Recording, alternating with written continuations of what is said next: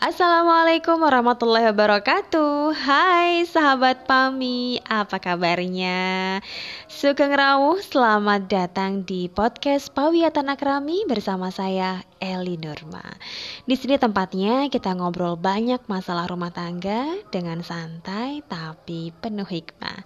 Di episode kali ini saya mau mengajak sahabat Pami semuanya untuk tahu gimana sih pentingnya masak buat suami. Penasaran kan? Simak terus ya.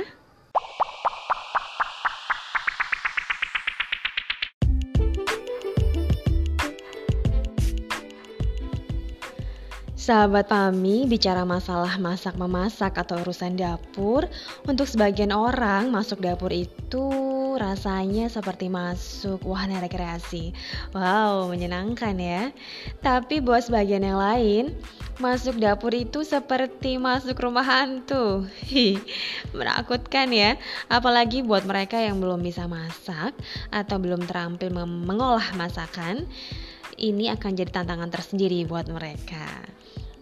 Saya jadi ingat pengalaman pertama saya ketika pertama kali masak untuk suami. Saking semangatnya, habis subuh saya langsung cus ke tukang sayur supaya nggak kehabisan daging ayam dan bahan-bahan lain untuk masak soto lamongan. Ya, karena saya orang Jawa Timur, jadi referensi masakan saya dulu banyak kan memang dari Jawa Timur. Saya mau cerita nih salah satu kisah dari istri Rasulullah yang bernama Ummu Salamah. Ketika malam pertama, Ummu Salamah diajak Rasulullah datang ke rumah Rasulullah. Di sana Ummu Salamah hanya menemukan wadah berisi gandum, periuk, kuali serta kikil. Apa ya yang dilakukan oleh Ummu Salamah waktu itu? Ummu Salamah langsung mengambil gandumnya, menggilingnya dan mengadonnya menjadi roti serta kikilnya dibuat untuk kuah.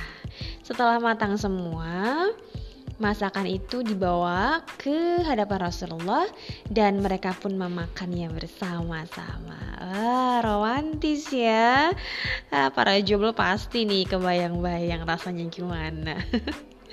Makanya segera genapkan ya. Ada satu tradisi di uh, kalangan wanita Minang. Tradisinya adalah berkompetisi untuk membuat masakan enak bagi suaminya masing-masing.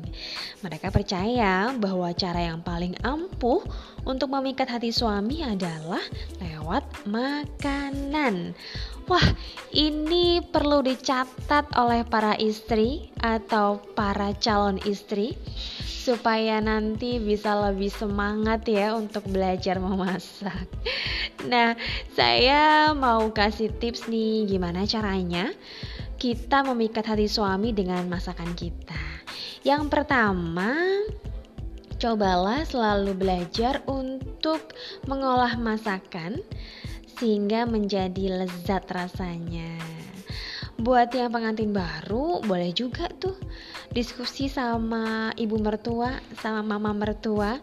Tanyakan apa sih masakan kesukaan suami kita dan tanyakan resepnya plus cara memasaknya. Wah, selain bikin hati suami kita senang, pasti diskusi ini akan bikin kedekatan kita dengan mertua kita semakin baik ya. Tips yang kedua, setelah masakan itu jadi nih, jangan lupa sajikan dengan etika yang baik ya. Bawakan masakan itu ke hadapan suami dengan senyum manis, wajah yang sumringah, dan dengan cara yang lembut.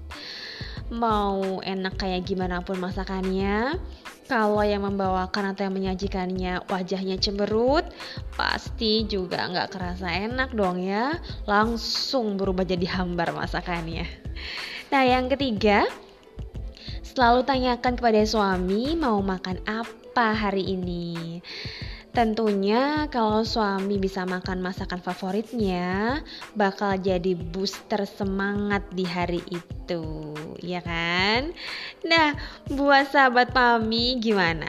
Jadi termotivasi nggak nih buat belajar masak? Iya sih memang akan sedikit repot ketika masak sendiri, tapi insya Allah dari situ kita akan mendapatkan satu kebahagiaan. Sesekali bolehlah menyempatkan waktu di saat liburan, masak berdua bersama pasangan atau dengan anak-anak juga. Ramai dong ya pasti. Oke, selamat mencoba ya sahabat Pamir eh, tips dari saya tadi. Mudah-mudahan hubungan kita dengan suami semakin dekat, semakin erat, dan semakin barokah lewat masakan kita. Oke, okay, see you next time. Assalamualaikum warahmatullahi wabarakatuh.